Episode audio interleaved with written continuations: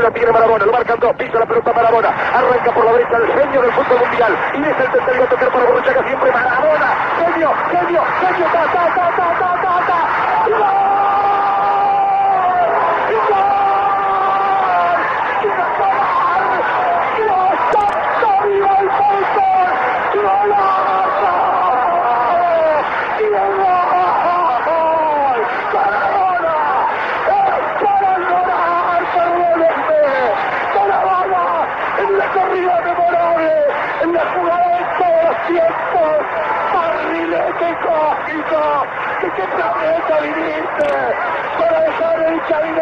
Inglés, para que el país se opulle apretado, gritando por Argentina, Argentina 2, Inglaterra 0, Diego, Diego, Diego Armando Maradona, gracias Dios. Dunia sepak bola dilanda duka yang mendalam. Diego Armando Maradona, seorang legenda hidup, telah mengembuskan nafas terakhirnya pada Selasa malam 24 atau 25 November 2020. Pemain yang berhasil mengantarkan Argentina juara dunia pada 1986 ini meninggal akibat serangan jantung. Kematian pemain yang berjuluk sang tangan Tuhan itu membuat Argentina sangat berduka. Pemerintah mereka menetapkan hari berkabung nasional selama tiga hari. Tak hanya di Argentina, di kota Naples, tempat Maradona berhasil mempersembahkan dua gelarnya kepada Napoli, dan juga satu piala UEFA begitu berduka ditinggal sang pujaan mereka. Bahkan Presiden klub Napoli berencana mengganti nama Stadion San Paolo menjadi Stadion Diego Armando Maradona. Selamat datang di podcast Oragol, karena sepak bola tidak hanya tentang gol. Oke, selamat datang kembali di podcast Oragol, karena sepak bola tidak hanya tentang gol. Masih bersama saya Ikhlas Alfarisi selaku host dan kebetulan episode kali ini diisi oleh full squad karena kita tidak bisa meninggalkan momen akbar yang tiba-tiba menghampiri dan menghantam dunia sepak bola. Bersama saya ada Faisal Umar, pemain rekrutan baru. Apa kabar? Alhamdulillah sehat. Alhamdulillah. Ada juga Fahri Hilmi, seorang wartawan bola yang dipecat karena corona. Apa kabar? Halo ya, uh, selamat mendengarkan semuanya. Uh, dan juga uh, kita nggak bisa bahas Diego Armando Maradona tanpa orang ini orang yang mungkin masih bisa menyaksikan sisa-sisa kejayaan dari Diego Armando Maradona.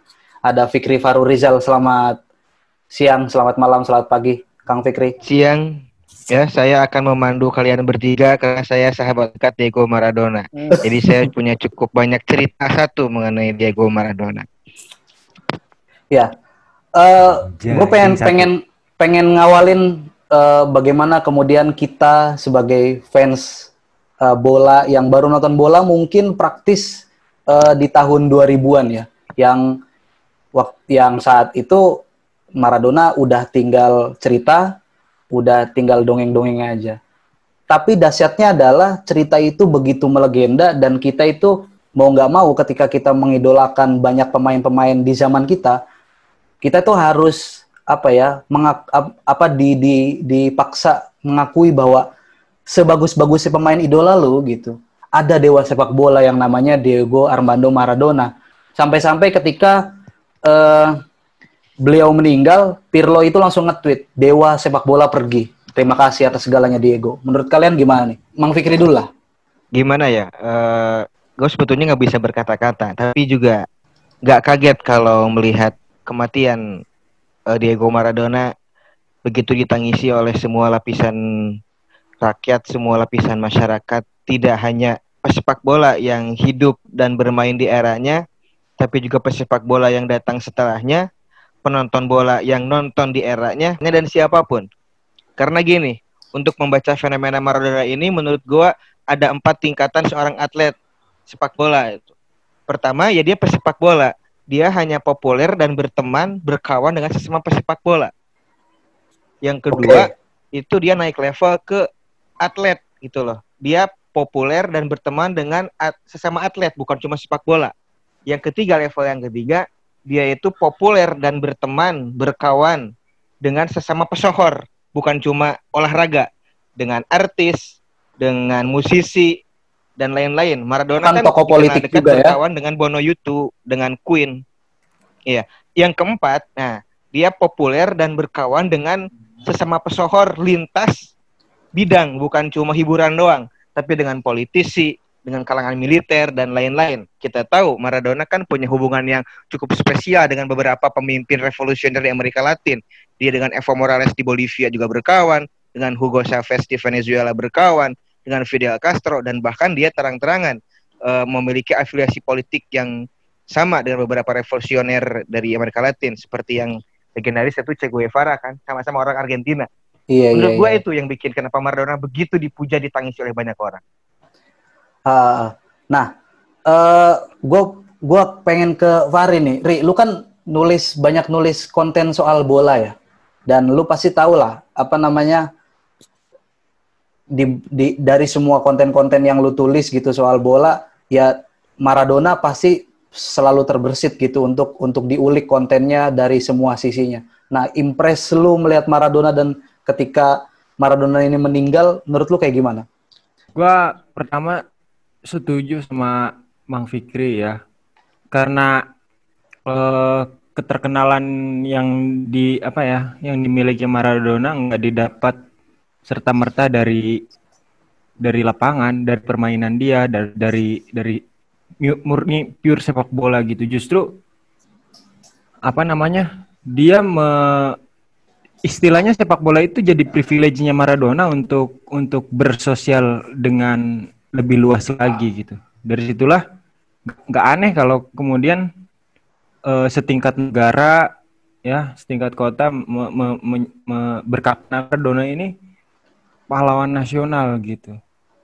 Selain kemudian kita kenal dengan apa namanya kontroversinya yang kalau gua lahir maksudnya balik akil baliknya sepak bola gua tentang Maradona itu ya doping ya kan lu juga pasti gitu kan tentang doping gitu.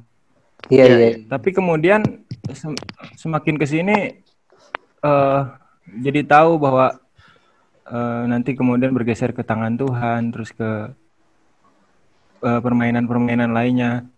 Apa langganan main di Piala Dunia langganan kaptennya gitu. Dan bagi Argentina Maradona emang emang setara pahlawan nasional karena bisa selain karena memang sepak bolanya yang besar juga memang Maradona yang tadi yang kata Bang, Bang Fikri tadi di luar Ah. itu dia dia tidak menjadi itu jadi sepak bola itu privilege jadi bukan bukan bukan di bukan dijadiin bukan terkenal karena sepak bolanya gitu tapi memang dia menjadikan itu sebagai privilege Alat- untuk eh, untuk alat dia ya. bersosial gitu. Ah. Nah, alat dia Eh, gue dulu pernah nulis ini sampai rumahnya juga jadi museum gitu loh Iya iya iya iya iya. Bahkan di di Buona- Buenos Aires itu ada gereja yang namanya Diego Maradona. Ya kan? nah Sebegitunya. Tapi sebelum bahas ke lebih jauh soal itu, gue pengen ke umroh nih. Lu kan fans sepak Iya. bola Inggris ya kan? Lu fans klub Iya betul. apa klub MU dan lu mencintai sepak bola Inggris dan Inggris pernah dibikin apa ya? disakiti lah bahkan di kalah-kalahin gitu di apa dikurang ajarin lah sama si Diego Maradona ini. Menurut lu apa yang pandangan lu gimana nih soal Maradona dan pasca dia meninggal? Ya, eh, sebagai fans Inggris ya pasti eh, banyak mungkin kalau gua bukan salah satu fans yang menyak- menyaksikan langsung ketika Inggris dicurangi oleh Maradona ya saat itu.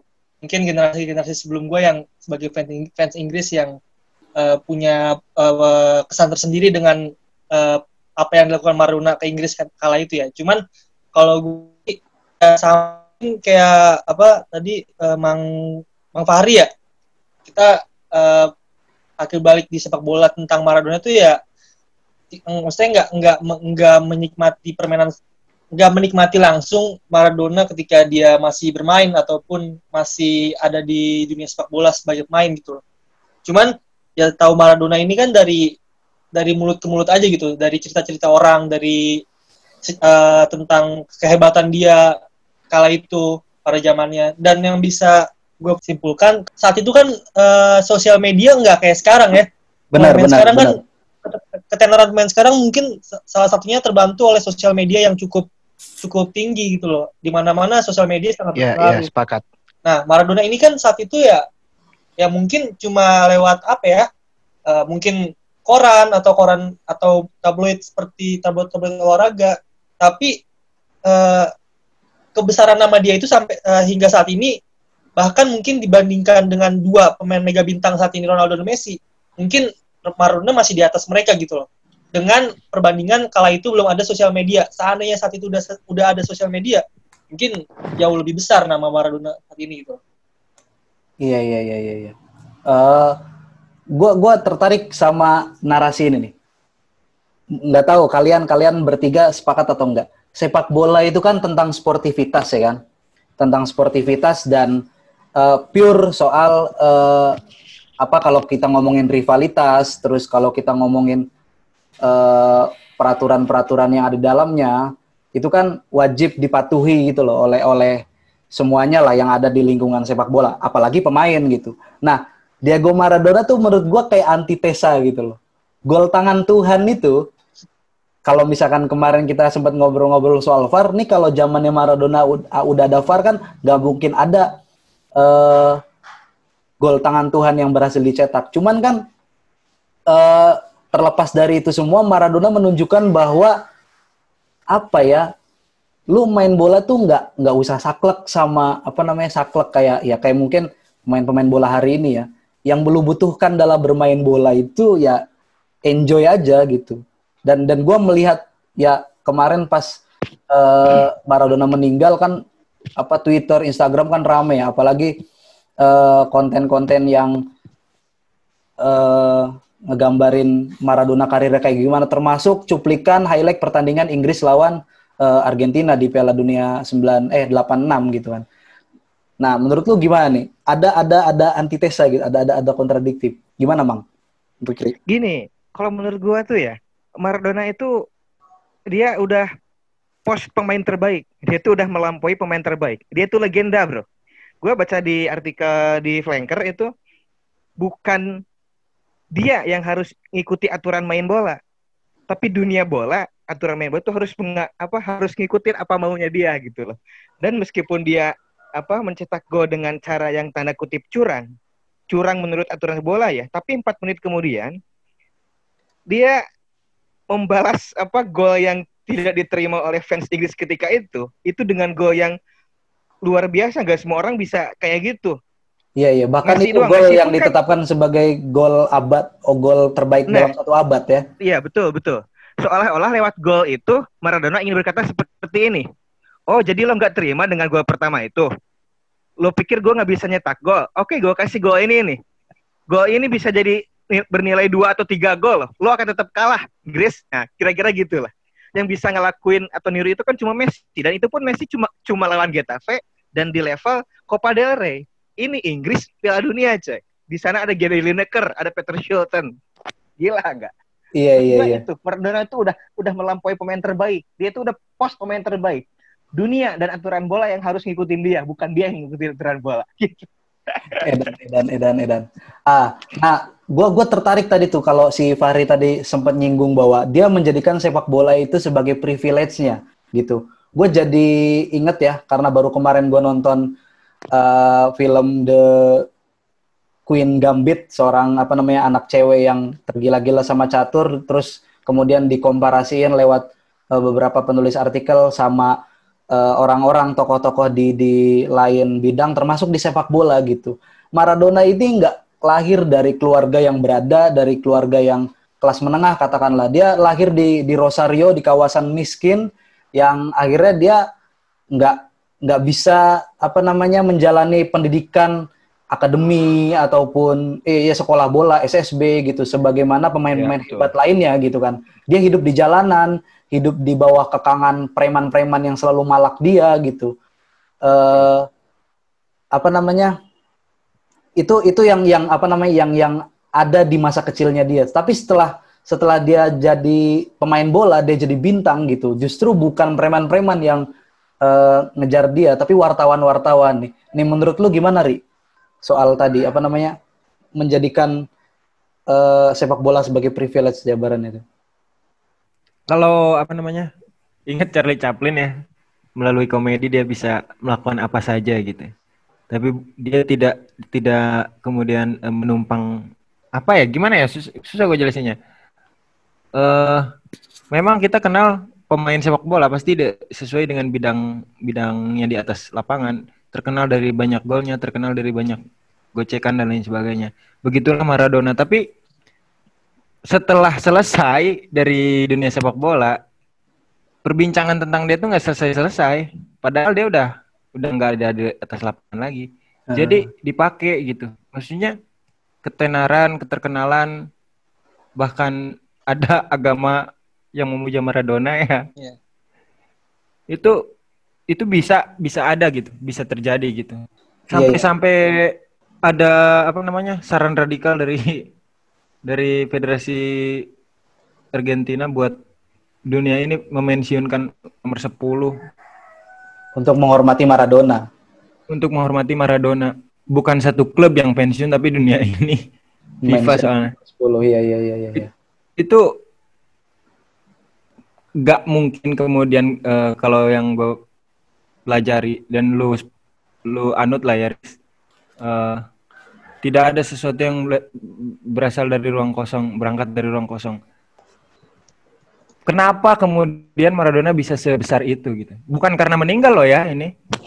Dari dulu kan kita kenal Maradona sudah sudah apa namanya berhenti berhenti diperbincangkan di dunia sepak bola.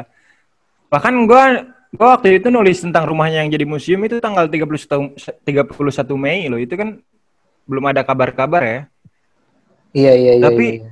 tapi eh viewersnya naik jadi tetap kayak gak berhenti berhenti tentang dia itu tentang Maradona itu Iya ya. Ya, media Eh, darling dia. media Ah. darling Kalau dipikir-pikir gitu, kalau misalnya kita ngelihat nih di di Wikipedia atau di mana ngelihat eh, perjalanan karir si Maradona, sebenarnya gue sepakat sih sama pandit-pandit yang ngebahas sebenarnya kalau apa Maradona itu sebagai pemain bola karirnya pendek gitu, karirnya pendek. Dia cuman iya nggak nyampe 10 musim di Napoli. Kan awalnya dia di Barca.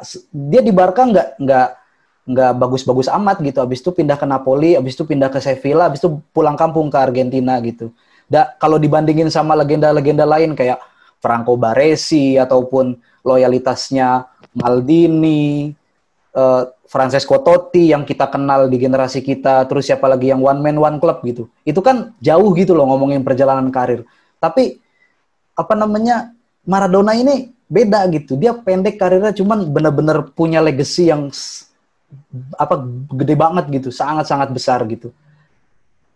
Bro, lu ngeliatnya kayak gimana, Bro? Ya, eh, kalau gue sendiri ini ya, eh, sebenarnya juga eh, melihat Maradona ini, eh, benar kata lu, Riz, kalau misalnya dia ini nggak punya karir yang panjang, atau mungkin dia terkesan eh, di beberapa klub itu kalau bisa kalau kalau nggak salah nggak ada yang sampai dia bisa sampai lima tahun lima musim di, di klub itu ya kayaknya nggak nggak ada ya. Iya, iya bener. Tahu gue di, di, Di Napoli tuh cuma- tujuh, tujuh musim. Oh tujuh musim. Tapi di antara semua itu yang gue yang lebih gua soroti atau mungkin Maradona tuh lebih apa ya lebih namanya lebih lebih banyak di agu-agukan malah ketika saat dia di Napoli gitu. Tapi di Napoli juga walaupun dia cuma tujuh musim itu kan kalau nggak salah cuman dia ngasih dua Scudetto ya Scudetto sama satu Piala Eropa kalau nggak salah ya Ah, tapi ah, ah. dengan dengan dengan eh, dengan Maradona apa dengan prestasi yang hanya si hanya seperti itu tapi dampaknya sangat besar gitu loh buat Napoli sampai saat ini. Bisa dilihat sampai saat ini eh, dengan apa yang dilakukan oleh Napoli ketika Maradona meninggal yang sampai ada wacana mau mengganti nama stadionnya jadi Stadion Diego Armando Maradona dan juga eh, apa ya main main sempat ngeliat beritanya siapa eh, sekarang top skor sepanjang masanya Napoli itu kalau nggak salah si siapa sih Ini pemainnya eh, apa? Mertens. Dries Mer- Dries ya, Mertens. ya. Des Ya, Mertens. Mertens dia dia dia ngomong eh, dia kan kalau nggak salah ber- beberapa minggu lalu abis baru aja ngelewatin rekor go, rekor Maradona, rekor gol terbanyaknya Napoli. Dia ngomong kalau misal dia minta maaf untuk kalau udah kalau udah em, melewati rekor di Maradona, tapi ya sosok Maradona itu nggak nggak bakal pernah bisa tergantikan bagi bagi Napoli sendiri gitu. Kalau gue ingin ngomong gini, apa kenapa eh, Maradona gaungnya itu begitu hidup terus sampai puluhan tahun setelah dia gantung sepatu, bahkan ketika dia meninggal dunia pun gue kan update di Twitter tuh, kenapa kok foto-foto Maradona tuh begitu hidup gitu kan, bagi ukuran untuk ukuran orang yang sudah mati. Gitu. Pertama gini, pertama jelas lah eh, teknis dia di lapangan bola udah kita apa udah nggak perlu ditanya lagi. Dan yang kedua, di karirnya yang singkat itu dia itu menang juara bersama orang-orang yang kalah. Dia datang ke Napoli setahun setelah juara dunia. Bukan Ya, ya, setahun ya, malah. ya, ya, Kalau- ya, Kalau ya. nggak salah di tahun itu tahun 86. Ba- Enam ya. Sebe- sebe- sebetulnya dia tuh layak untuk pindah ke Juventus, Inter atau Milan. Tapi dia Ya, memilih ya. ke Napoli. Italia Napoli, Utara Italia ya yang notabene lebih sejahtera ya. Iya, mereka yang tiga itu kan Italia Utara yang sejahtera. Ini Napoli, Italia Selatan. Selatan yang dianggap beban, yang dianggap beban oleh apa oleh pemerintah Itali, urakan dan sebagainya, tapi dia datang ke sana dan dia menang. Mereka kan orang-orang yang kalah didominasi oleh orang-orang utara. Maradona datang memberikan dua gelar Itali, satu gelar Eropa. Itu yang membuat dia spesial. Bahkan Argentina yang dia bawa juara dunia tahun 86 itu ya kalau dari kacamata eh, apa ekonomi kanan, Argentina kan negara dunia ketiga, negara kolonial, negara Benar, orang yang benar. kalah. Dia bawa tahun 86 jadi juara di Meksiko. Itu yang membuat nama Maradona harum sampai sekarang. Dia menang bersama orang-orang yang kalah. Menurut gue sih gitu. Nah ini gua tertarik sama ini nih apa namanya eh, sebelum apa namanya sebelum beliau sakit dan akhirnya meninggal kan pas eh, si Maradona ini memperingati ulang tahunnya ke 60 kan dia dapat ucapan selamat ulang tahun ya dari Ronaldo kan. Dia bilang ya dia berdoa yang terbaik untuk Ronaldo. Cuman di akhir dia sedikit kayak bercanda gitu loh. Kamu adalah pemain terbaik tapi setelah saya ya gitu. Ya niatnya gue tahu dari mimik mukanya Ronaldo ini itu bercanda gitu. Dia bercanda gitu. Tapi niat bercandanya aja gitu. Untuk seorang Ronaldo yang yang followernya terbanyak di dunia itu dicerca di apa namanya di di kolom komentar banyak jangan dibecandain dong bang gitu kayaknya ya. jangan kayak gitu bang gitu. Lu tuh nggak ada apa-apa sama Ronaldo gitu. Itu maksudnya Ronaldo botak apa Ronaldo Cristiano? ya? Si Ronaldo Cristiano, Ronaldo Cristiano. Kan ada kan yang Diego gitu-gitu lah pakai bahasa Portugal gitu. Dia Cristiano, ngucap, Cristiano. eh, dia ngucapin selamat ulang tahun ke eh, Maradona. Oh iya iya. Terus dia bilang kamu adalah pemain terbaik tapi setelah saya ya gitu. Artinya dia nganggap Maradona pemain kedua terbaik setelah Ronaldo. Ya padahal bercanda gitu tapi segitu segitu niatnya dia kelihatan aja bercanda masih Iya. banyak yang protes gas apa apa marah-marah gitu di kolom komentar gitu. Eh Ya itulah. Kalau Tuhannya dinistakan, orang marah-marah. iya iya iya iya, bener juga ya. Eh, nah, gue apa tertarik sama eh, rumahnya Maradona yang jadiin museum. Ri. Ada ada apa dan kenapa sebenarnya rumahnya Maradona itu di, dijadiin museum? Jadi kalau mau apa namanya? Kalau bicara ininya ya, dia tuh dia tuh di dibeli. Jadi Maradona ibaratnya rumah masa kecil ya, rumah masa kecil. Ya udahlah di, ditinggal aja. Tapi kemudian ada salah seorang sa- salah satu salah satu orang gitu yang yang tahu bahwa Maradona pernah tinggal di sini akhirnya dibeli dan dijadikan museum terus kemudian direplika gitu. Direp, direplika. eh, rumah tersebut seperti seakan-akan rumahnya Maradona waktu dulu. Nah, gua ngambil pelajaran dari ini ya. Kalau udah seseorang itu diteladani sejarah hidupnya, bahkan sampai apa namanya tempat pernah di mana dia pernah singgah, kemudian dijadikan eh, apa namanya dikenang, bahkan di di di memorial gitu ya itu artinya betapa besar pengaruh Maradona terhadap orang-orang gitu. Padahal isinya selama dia hidup, yang gue tahu ya, kalau nggak kasus doping, dikeluarin dari Napoli juga karena ini kan? Drugs ya? Ah, terus eh, handball tangan Tuhan kemudian eh, nyinyiran-nyinyirannya waktu Argentina setelah dia pensiun kemudian jadi pelatih manggil 100 pemain dan kandas. Iya. semuanya tuh tentang kenakalan gitu.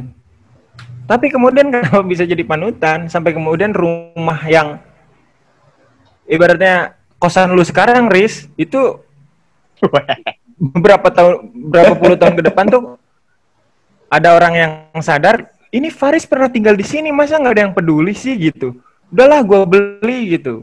Gue replikain gue jadiin museum gitu biar orang-orang mengenang perjalanannya Faris. Padahal selama berjalan hidupnya penuh dengan dengan itu ma- kontroversi mabok ya. Berzina. Iya. betul betul betul. betul. Tapi sorry, eh eh, sorry gua potong dulu nih. Justru itu apa eh legenda tuh dia satu level di atas pemain terbaik. Jadi legenda itu antara kebaikan dan keburukan itu me- itu melebur menjadi satu. Baik buruk itu bagi seorang legenda itu bagian dari kelegendaannya gitu loh. Ah, ah, ah. Mana ada legenda di bidang mana pun di musik, di olahraga di mana dia pasti punya dia pasti punya kontroversi negatif negatif tapi justru itulah bagian yang membuat eh, dia dia itu eh, makin besar gitu loh. Johan Cruyff dia perokok berat misal Oke, ya oke. kan? Ah, dan lain sebagainya. Justru itu bagian dari kelegendaannya gitu. ah. dan pantas dijadikan eh, dan dan pantas eh, tempat di mana dia dulu pernah berpijak itu tempat di mana dia dulu pernah tinggal itu dijadikan monumen dijadikan museum ya itu sangat pantas ya di mana pun Tuhan pernah turun kan harus kita muliakan tempat itu Iya ya. Bahkan gua ngeliat di YouTube itu ada eh, apa namanya? eh ya cuplikan gitu. Kalau Maradona waktu nonton eh, Piala Dunia di Rusia 2018 itu sempat ngacungin jari tengah yang mana di Eropa itu nggak banget lah gitu ngacungin jari tengah. Tapi ya ya itu Maradona gitu yang melakukan. Oke lah. It's God gitu. Bro, Ya, kalau ini ya, gue juga eh, sedikit eh, nanggepin tadi yang masalah tentang rumahnya Maradona dijadikan museum ya. Kebetulan karena gue juga mahasiswa jurusan sejarah ya, jadi mungkin sama hal-hal kayak gini udah sering banyak gitu loh, sering banyak akrab, eh, akrab. cocok. ya akrab lah tentang, tentang hal seperti gitu. Nah, ya wajar sih, apalagi sosok sebesar Maradona gitu loh, sosok sebesar Maradona yang yang namanya sangat amat besar dari zaman dia eh, dari zaman dari masa masa waktu pas ketika dia bermain sampai ketika dia pensiun dan eh, kehidupan dia ketika pensiun juga sangat amat layak untuk di apa ya di entah di dijadikan sebuah museum perjalanan hidupnya perjalanan perjalanan karirnya gitu. Nggak cuma perjalanan hidup dia sel- selama menjadi pemain sepak bola tapi di luar ketika dia di luar sepak bola juga eh, itu juga jadi bahan yang sangat menarik untuk dijadikan sebuah eh, museum ataupun sebuah eh, galeri tentang kehidupan dia eh, jadi sebuah apa sih kayak monumen lah atau semacamnya gitu loh. Bahkan yang saat yang baru-baru ini aja eh, kayak ma- eh, misal kayak Ibrahimovic juga kan kalau nggak salah dia juga punya patung kan ya patung di Swedia. Maksudnya Iya, itu iya. cuma Ibrahimovic gitu loh. Kita bandinginnya dengan Maradona yang mungkin ya Ibrahimovic siapa yang nggak tahu Ibrahimovic lah ya eh, dengan dengan segudang prestasinya tapi Maradona itu ya mungkin tiga tingkat di atas Ibrahimovic gitu. Jadi jangan jadi sangat wajar sekali gitu kalau misalnya dia ada eh, orang-orang yang niat sampai bikin monumennya atau bikin museum tentang dia gitu loh. Jadi hal yang sangat wajar sih Ah, dengan nama yang sangat nama yang sangat besar tentang Maradona itu sendiri. Eh, secara ini ya, gua malah nggak sepakat gitu kalau Maradona itu disamakan sama Ibra Ibrahimovic gitu dibikinin patung atau Batistuta dibikinin patung di Fiorentina atau Sir Bobby Bobby Carlton di MU gitu. Dia itu yang yang apa namanya apa sebagaimana yang sekarang udah ada juga dibikinin aliran gitu, Kristen aliran Diego Iya, Maradona. ada gerejanya yang ma- di gerejanya ada gerejanya gitu yang mana Iglesia. anak-anak gitu yang harusnya ngaji di gereja gitu nggak nggak perlu sepaneng lagi karena gereja itu gereja Maradona dan akhirnya di lapangan di lapangan depan gereja itu bisa main bola dengan seasik mungkin gitu. Iya iya iya. Ya. Gini gini ya. Uh, gue melihat kenapa orang begitu mengagumi Maradona baik dari sisi teknis di lapangan maupun kebesaran di luar lapangan. Ada yang bikin aliran Kristen, ada yang bikin gereja, ada yang rumahnya uh, dipugar dijadikan museum. Justru uh, kontroversi itulah yang membuat dia berada di hati orang-orang kecil. Jadi orang-orang kecil itu merasa dekat, tidak berjarak dengan Maradona. Contoh sekarang, gue dengan Ronaldo, sebesar apa pun Ronaldo, itu, itu, itu tetap berjarak tubuhnya aja jauh gitu kan. Wah dia bukan bagian kita gitu kan. Dia sangat menjaga kesehatannya. Wah nggak pernah ngerokok. Bukan gitu golong kan, duitnya. betul betul. Hartanya banyak. Jadi berjarak gitu loh. Nah beda dengan iya, iya, Maradona. yeah, yeah, yeah. Maradona ini ngomong seenaknya ngacungin jari tengah seenaknya tubuhnya pendek. Nggak atletis kan? Dia tuh gempal gitu kan? Yeah, gempal. Gitu. Iya kan? Ya narkoba juga kan? Dia minum juga. Sehingga dia tidak berjarak. Itulah yang kemudian membuat orang-orang begitu mem memujanya, terutama orang-orang kecil, orang-orang kalah tadi. Dan perlu diingat, di dunia ini orang yang berduit kan cuma 1 sampai 10 persen, coy. 90 persennya kan orang-orang melarat, orang-orang kalah, orang-orang kecil. Dan benar, 90 benar, persen benar. ini dekat dengan Maradona. Itulah kenapa Maradona dipuja oleh 90 persen seisi dunia ini. Gitu gue. Iya, iya. iya. Dengan uh, ini gue gue bacain kutipan bagus nih di The Flanker nih. Ini gue apa namanya kagum banget sama ada penulis cewek di The Flanker dia nulis kayak gini dengan bola di atas kakinya Maradona memberontak terhadap kenormalan lamanya yang di apa kenormalan lama yang dikenalnya kemiskinan dan kehidupan jalanan. Dengan sepak bola Maradona menerobos masuk ke kehidupan baru yang memuliakan namanya dan menuhankan gocekannya. Fahri Hilmi. Ya yeah, that's it's Maradona. Begitulah Maradona menyihir kita semua tapi uh, ada satu lagi yang juga uh, menurut gue apa uh, uh, layak untuk di apa layak untuk digali dari seorang Maradona ini. Uh, apa ya? Tadi seperti disinggung, Maradona itu kan untuk ukuran pebola zaman sekarang itu kan semua tidak ideal. Pendek, tubuhnya gempal, gaya hidupnya serampangan, tapi kok dia dulu bisa apa bisa hebat, gitu kan? Dan di zamannya juga kan ada pemain-pemain setipe kayak Maradona gitu. Tidak atletis untuk ukuran zaman sekarang. Uh... Gempal, pendek. Tapi justru menjadi legenda hidup sepak bola Jerman, Gerd Müller. Gerd Müller, iya. Kemudian dulu peraih Ballon d'Or pertama, Stanley Matthews. Itu kan pemain krempeng itu terkenal itu. Uh... Nah, apa ya, kok bisa ya zaman dulu itu uh, biasa-biasa apa ada apa ada ada bakat terpendam, ada ada kehebatan yang lahir dari sosok-sosok yang uh, tanda kutip tidak atletis. Beda kan sama sama sekarang teknologi udah berkembang, metode kepelatihan udah berkembang sehingga sejak akademi pemain-pemain itu sudah disetting untuk punya tubuh yang atletis. Lihat aja pemain-pemain belum belum berumur 20 tahun kayak Mbappe, Erling Haaland itu udah gede-gede ber badannya gitu. Uh, nah ini Bagas Kavi sekarang kan udah gede dia. Iya betul, itu udah gede-gede. nah, itulah yang gue rindukan zaman sekarang itu tidak ada eksotisme dari seperti dari orang-orang seperti Maradona. Gak atletis tapi mainnya luar biasa dan dia dipuja banyak orang gitu.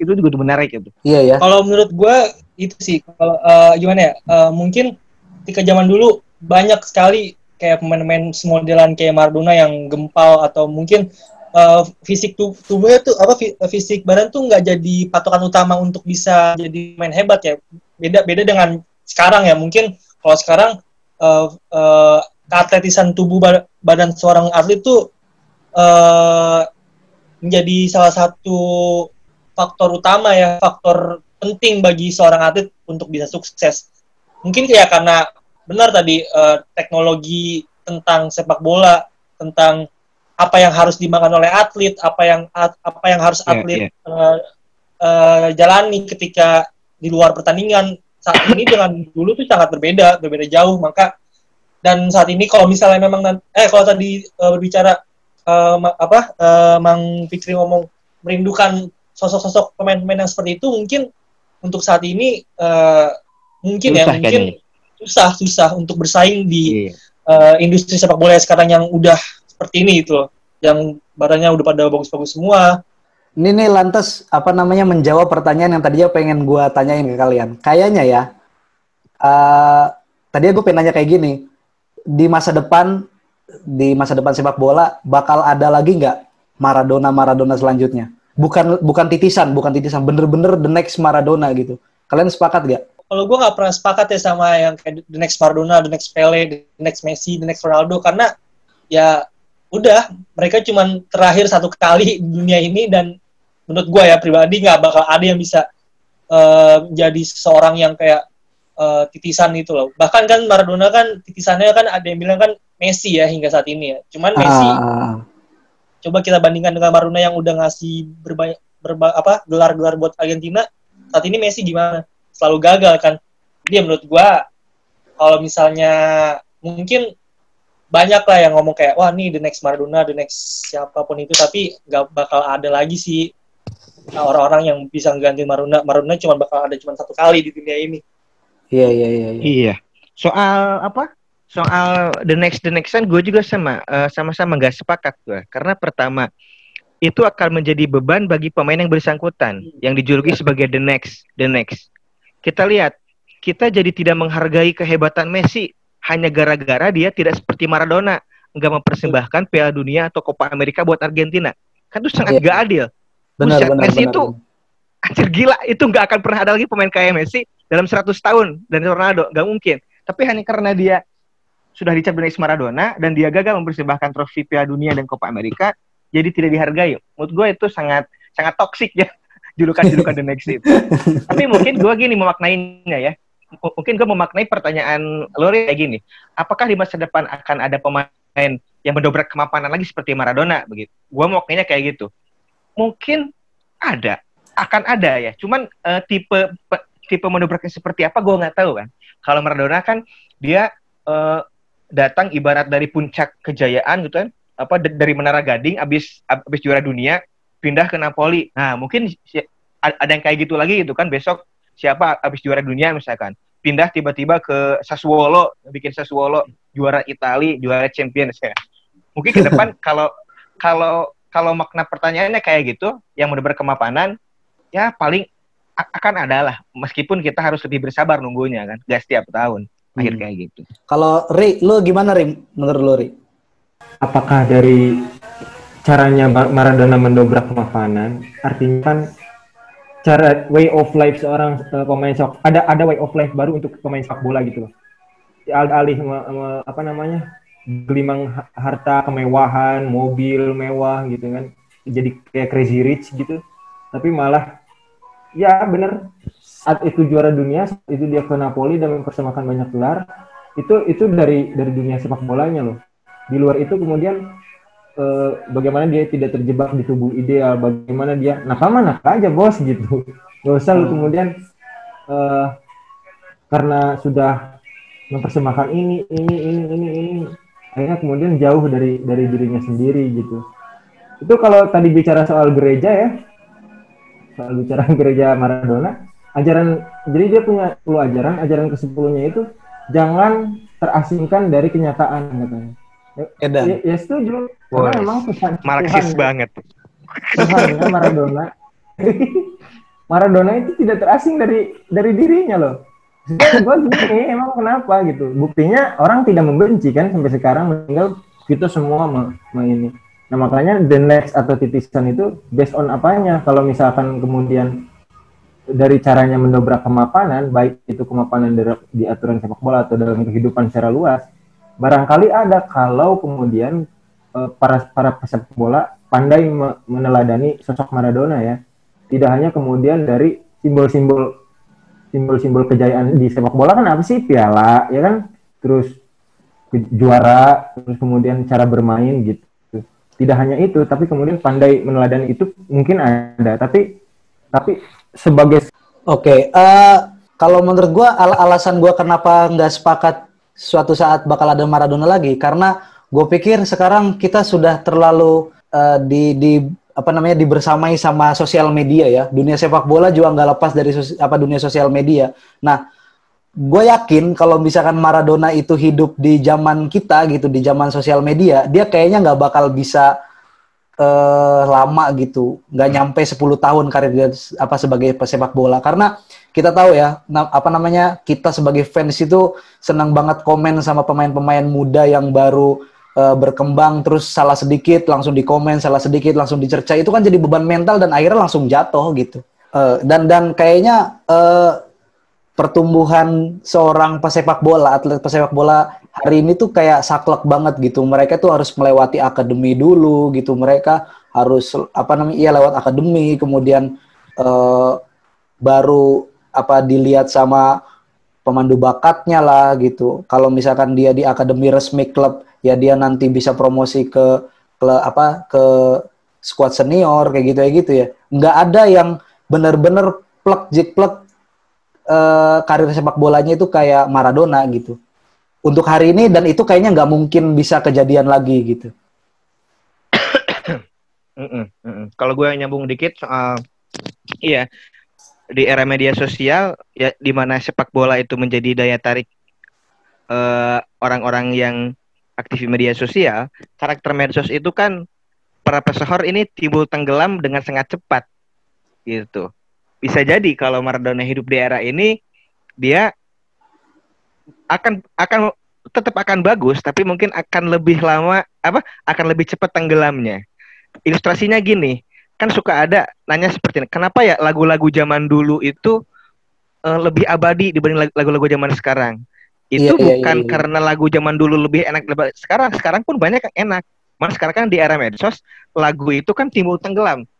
Yang kemarin Benar, yang benar, enak benar. belum belum aja mengendap belum aja mengendap di sanubari kita udah ada yang baru. Nah kayak gitu. Itu itu eh, lo- logika lo ma- masuk akal juga Riz. Ya, kalau eh, mungkin ini ya terakhir untuk tentang tema kita tentang Maradona pada kali ini yang bisa gua apa ya mungkin salah satu pandangan tentang Maradona ya. Pertama nggak bakal ada lagi Mar- Maradona Maradona baru gitu loh di masa yang akan datang gitu Maradona cuman cuman hanya udah Diego Armando Maradona aja satu itu doang. Nggak akan ada lagi walaupun mungkin banyak di banyak julukan-julukan the next the next Maradona tapi nggak akan ada yang bisa menandingi kehebatan atau mungkin eh, cara hidupnya Maradona atau mungkin pandangan dia tentang sepak bola gitu loh. Sangat amat mungkin tidak akan terjadi gitu. Dan juga mungkin ini sih timbul pertanyaan sih. Ini kan eh, dalam kurun waktu mungkin sekitar eh, 10 tahun atau 20 tahun terakhir kan salah satu ini ya kalau nggak salah terakhir Johan Cruyff itu 2000 berapa ya? 2014 ya kalau nggak salah wah lupa gue ya timbul, timbul pertanyaan sih jika nanti gitu loh jika nanti jika nanti eh, pemain-pemain besar pada saat saat kita sekarang ini menikmati sepak bola ya, sebut saja lah kayak Ronaldo atau Messi gitu ya. Meninggal. di akhir di akhir di akhir umurnya apakah bakal lebih besar dengan Mar apa dibandingkan Maradona atau mungkin tet- apa biasa-biasa aja gitu atau mungkin nggak nggak ini deh nggak apa di bawahnya Maradona gitu. Itu sih yang yang jadi pertanyaan gua dan mungkin penasaran gitu ya. bukan ngedoain mereka buru-buru tutup usia tapi ya itu itu cuman eh, pertanyaan liar dalam otak gua ya sih tentang eh, kejadian Maradona yang baru baru berpulang beberapa hari yang lalu. Gua harap eh, kita bisa apa namanya eh, bicara permainan, bicara bicara ini gua kira Mara- apa seorang pemain sepak bola itu terbangun dari banyak hal ya, dari masa kecil, dari kemudian orang tua apa apa eh, dunia masa kecilnya entah dia orang tua, kakak, paman me- mengagumi seorang pesepak bola misalnya, kemudian secara tidak langsung dia mengkopi permainannya. Maksudnya sebuah permainan se- seorang pemain sepak bola itu terbangun dari banyak hal dari latihan, dari dia menyukai siapa dan dia menyukai siapa itu kan juga dibangun dari dari jalan yang sangat panjang gitu dari kecil gitu. Nah, gua gua kira eh, jangan jangan ada lagi pemain-pemain sepak bola yang terjebak di logika itu, tapi bisa meneladani sosok Maradona ataupun legenda-legenda lainnya dari cara cara dia menyikapi sepak bola itu sendiri gitu. Jadi jadi sepak bola ini bisa tetap bertahan sebagai sebagai jalan hidup bahkan bagi beberapa orang sebagai agama bahkan bisa menjadi pelajaran untuk untuk antitesis untuk eh, realitas sosial yang kita hadapin sekarang ini gitu. Bisa ba- bisa banyak pelajaran yang, yang diambil dari dari sosok seorang pemain sepak bola. Kalau terus berlahiran pemain-pemain sepak bola yang seperti itu, kita nonton sepak bola jadi banyak pahalanya, coy. Karena belajar gitu. Nah, gua berharap sih seperti itu. Iya, iya, Gitu. iya. Eh, ya, di antara sekian banyak isak tangis, tampaknya ada satu yang tersenyum. Mungkin kepergian Maradona membuat Tuhan tersenyum. Dengan jalan itulah ia bertemu kembali dengan tangannya. Atau mungkin Tuhan bertemu kembali dengan kaki dan tangannya. Mungkin podcast ini gua akhiri dengan eh, doanya Pele bahwa suatu saat nanti semoga mereka berdua akan bermain bola bersama di atas langit. Sampai jumpa di episode Oragol selanjutnya.